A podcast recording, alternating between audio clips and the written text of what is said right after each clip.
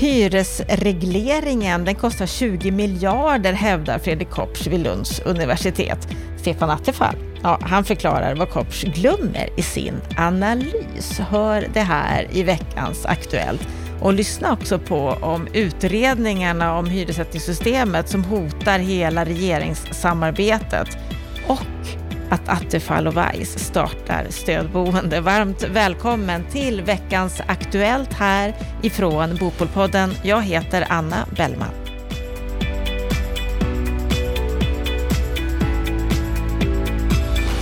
Under veckan som har gått så har vi sett några intressanta saker som vi vill sätta fokus på. Vi ska börja med Fredrik Kopsch som har varit ute och skrivit om hyresregleringar i tidskriften Smedjan.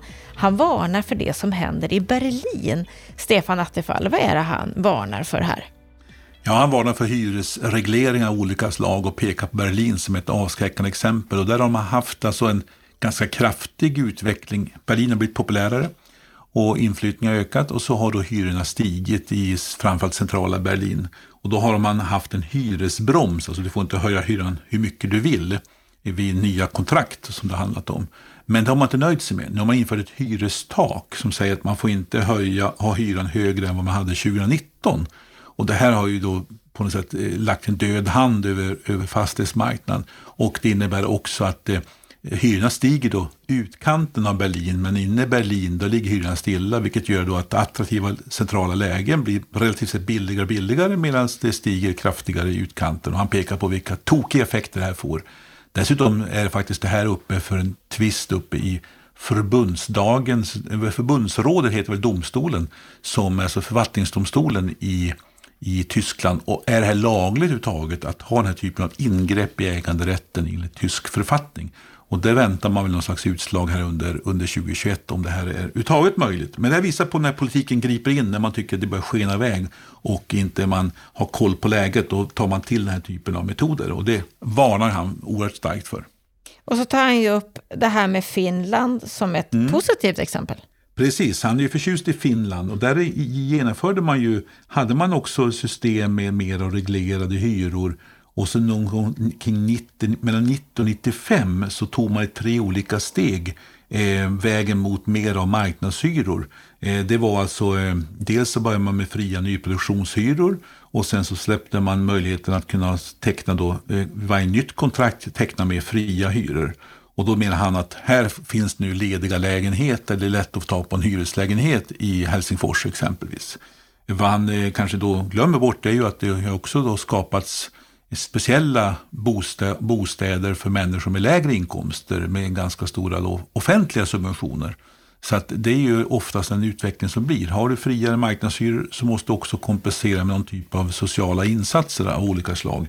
Och eh, Finland har vi sig varit mer lyckosam med detta än vad jag tycker kanske en del andra länder i Västeuropa varit när det gäller att blanda det här exempelvis med, med eh, vanliga bestånd och sådana saker. Men eh, det är ju en sida som man kanske inte diskuterar så mycket i sin artikel. Men han pekar på Finland som de som har gjort en avreglering och även Norge har gjort en liknande utveckling för ett antal år sedan.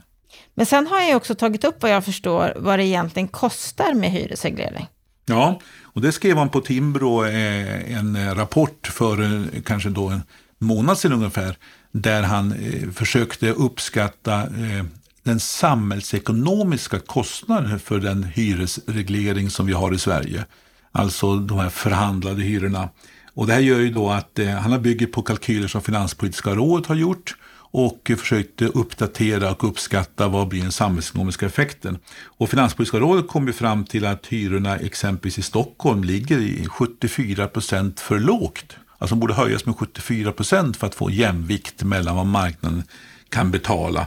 Och 61 procent i Göteborg. Och, och den här idén bygger på tanken då att om du får ta ut de där högre hyrorna, då, då, ska säga, då blir det balans och då kan exempelvis den som ska komma in i Stockholm exempelvis och få ett nytt jobb lättare hitta en lägenhet och därmed ta jobbet snabbare och därmed skulle då ska vi säga samhällsekonomin fungera bättre. Men som eh, den intelligente lyssnaren förstår så är ju priset för detta är ju att också du får högre, högre hyror. Och det kommer ju också att göra att folk måste trycka ihop sig mer eller flytta eller på något sätt anpassa sin ekonomi till detta eller lägga mycket mer pengar av sin disponibla inkomst på hyrorna. Och han säger just att den här kostnaden, samhällsekonomisk kostnad, det är ju ingen kostnad vi riktigt ser, men det är alltså hela ekonomin skulle då vara 10 miljarder rikare på något sätt. Och det består, då har de tre ska säga, argument för varför den här kostnaden uppstår. Och det första är då att vi får enligt hans uppfattning då mindre antal hyresrätter byggda tack vare detta.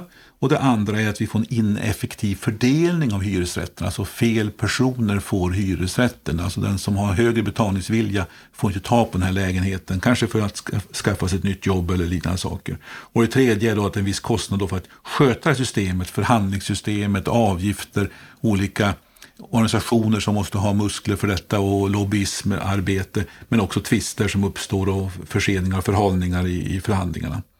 Det som jag tycker kanske han glömmer bort här, det är ju att eh, blir det fler hyresrätter byggda för att du kan ta ut högre hyra, ja, men det styrs ju faktiskt av hur, många, hur mycket det, färdiga detaljplaner det finns. Och då vet vi att vi bygger ju bostadsrätter med en fri hyressättning. Så att jag tror ju personligen att vad det effekten du kan få, det är möjligt att du får fler hyresrätter byggda men färre bostadsrätter. För utbudet av detaljplanelagd mark, den påverkas ju inte av det här. Så att jag tror att han överdriver den eh, effekten. Jag tror att det blir en viss omfördelning i vissa lägen mellan bostadsrätter och hyresrätter, men inte så mycket fler hyresrätter. Eh, sen tror jag också att han glömmer ju också bort att eh, Malmö, som man också har med i tabellerna över, där, där påpekar man att i Finanspolitiska rådet att det är bara 5 som, som skiljer mellan ska säga, de reglerade hyrorna och vad marknadshyror skulle vara. Därför att man har en mycket mer utvecklad systematisk hyressättning. Alltså det är lite dyrare att bo centralt än i utkanten av Malmö. Och det visar på att du kan ju uppnå de här effekterna kanske lite grann med, med ett förhandlingssystem också. Och det tredje han glömmer bort tycker jag att nämna, det är väl också att ska du som i Finland också och andra länder, ska du ha marknadshyror så måste du också ha kompensationer av olika slag för att hjälpa hushåll som har svagare ekonomi.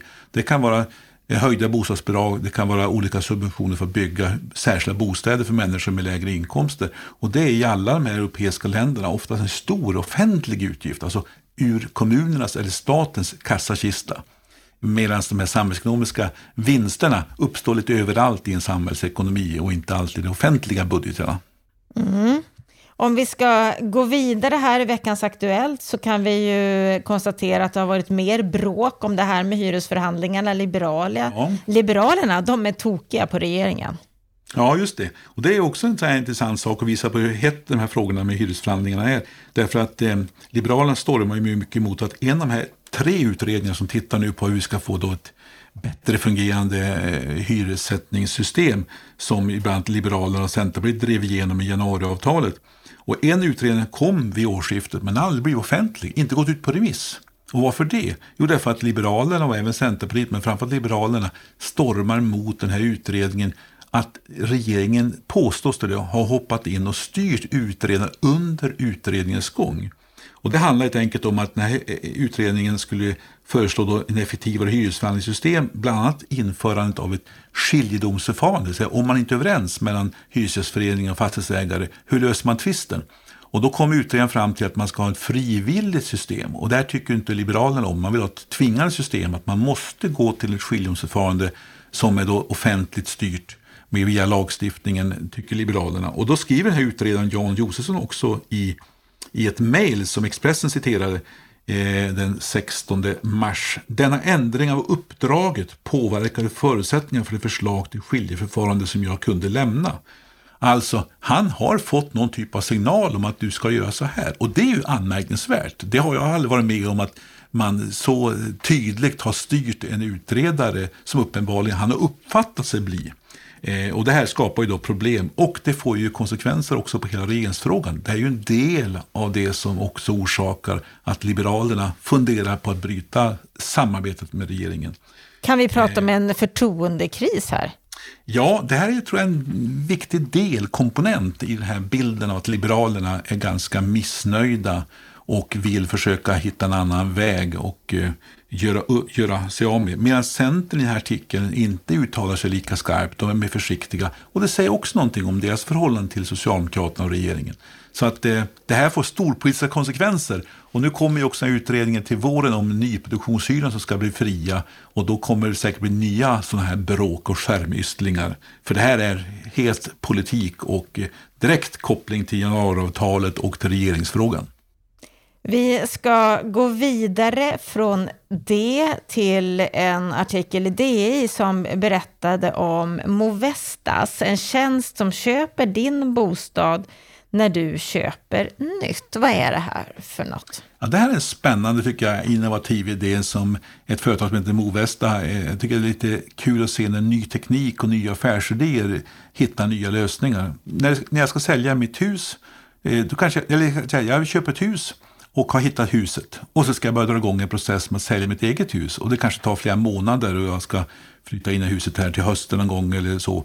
Då kan ju vara olika marknader. Jag vet ju inte vad jag har för pengar. Här går företaget in och säger du har bestämt dig för att köpa det här huset. Vi köper ditt hus. Vi gör det klart på en vecka. Du får pengarna och vi tar hand om eh, huset och sen säljer det vidare. Då tar de risken, men de ger också en snabb leverans. Alltså de kortar, de minskar min risk och de minskar eh, min kostnad för att vara osäker mellan de här två sakerna. Och eh, det här är ju en spännande service som många, tror jag, kommer att uppskatta. Men kommer det att funka? Det kräver att de har en hel del kapital. För det kommer innebära att de ska binda pengar. Eh, kanske inte ett helt år, men säg flera månader varje, varje försäljning och köp och försäljning. Och det andra är att de själv gör rätt bedömningar och kan sälja det här förhoppningsvis till ett bättre pris. Och de talar om här i artikeln också att de kanske ska gå in och titta och kanske göra ett enklare upprustningar och fräscha upp husen. Och att de är duktiga på det, ja då kan de göra en mellanskillnad och då kan det bli en lönsam affär. Men gör de fel, då är det konkurs. Intressant att följa. Det sista ja. som jag vill att vi ska ta upp här i veckans Aktuellt, det är ju nyheten om att Attefall och Weiss startar stödboende. Vad är det ni gör nu? Ja, det är lite utanför kanske Bopolpodden, men det är eh, det är så att eh, Lennart Weiss och jag och eh, eh, Samir Sabri och Henrik Nilsson och Kim Tomé och ytterligare några personer, vi är ett gäng som har startat upp en verksamhet, den börjar 1 april, där vi ska hjälpa människor som har eh, kriminalitet, missbruk, hemlöshet, alltså har problem att hitta en fast punkt i tillvaron och hitta en bostad. De ska kunna få ett stödboende. Det är ofta socialtjänsten då som, som anvisar. Och så ska vi försöka hjälpa de här människorna att få lite stabilitet med en eh, dygnet runt bemanning och särskilda kontaktpersoner som kan jobba med de här personerna. Och så ska vi också hjälpa till med att hitta praktikplatser, hjälpa dem att komma ut på arbetsmarknaden, hitta träningslägenheter och eh, utbildning när det behövs. Eh, vi har kontakter med folkhögskolor, vi har kontakter med bostadsföretag och liknande saker. Så att vi hoppas kunna vara en liten länk och hjälpa till med detta. Och eh, jag och Lennart är i styrelsen och hjälper till med, med en del saker, men det är ju sen andra personer som ska jobba praktiskt i verksamheten med erfarenhet från den här typen av, av verksamhet att hjälpa exempelvis eh, för detta kriminella och människor som haft olika typer av problem och behöver helt enkelt komma tillbaka till ett stabilt liv. Men hur rimmar det här med eh, Alltså den initierade har ju kunnat följa att ni är lite grann emot social housing. Ja, men det här är ju inte det. Det här handlar om helt enkelt om ett, ett boende under en kortare tid när man får det är en del i socialtjänstens eh, ska säga, rehabilitering och hjälp att människor kommer, kommer ut. Och sen ska vi försöka slussa ut dem. Men det kan innebära att man får kanske ungefär som eh, socialtjänsten kan direkt gå till, en, eh, till ett bostadsföretag och få en eh, träningslägenhet under en kortare tid. Det kan innebära. Men eh, sen måste man ut på den vanliga bostadsmarknaden och eh, få vanliga ska säga, villkor. Men vi ska förhoppningsvis hjälpa dem att komma i ett läge att man är ska säga, konkurrenskraftig på arbetsmarknaden och bostadsmarknaden och hjälpa dem också att ta kontakt. Bara detta med att komma in och ställa sig i bostadskön, eh, få ett antal sådana här saker att fungera. Det är för många människor ett stort steg framåt och vi tror att vi kan göra skillnad och vi har bra medarbetare som vi tror är både professionella och engagerade. Så det är det som driver oss och tycker det är ett spännande sätt att försöka göra lite en liten insats för att hjälpa människor som har lite, lite tuffare att komma tillbaka till ett normalt liv än vad vi kanske andra har upplevt. Varför väljer ni att satsa på just det här? Ja, det beror enkelt på att vi vill göra en skillnad och vi tror att vi har kontakter och vi har kompetenser i vårt gäng som klarar av det här. Och då vill vi visa att det här går att göra och kanske göra bättre än vad vi tycker en del andra kanske har gjort det hela. Men eh, det är ett utslag för, för lite socialt engagemang och samtidigt nyttja de kunskaper och kontaktytor som vi har i den här konstellationen. Då hoppas vi, vi att... titta på secondchance.se, det finns på nätet. Det ska jag absolut göra. Då får vi hoppas att ni lyckas med den här satsningen. Stort tack för den här veckan, Stefan Attefall. Och stort tack för dig som har lyssnat på veckans Aktuellt som sänds här från Bopolpodden. Är det så att du vill förkovra dig mer, gå gärna in på bostadspolitik.se. Med detta så önskar vi dig en riktigt trevlig helg.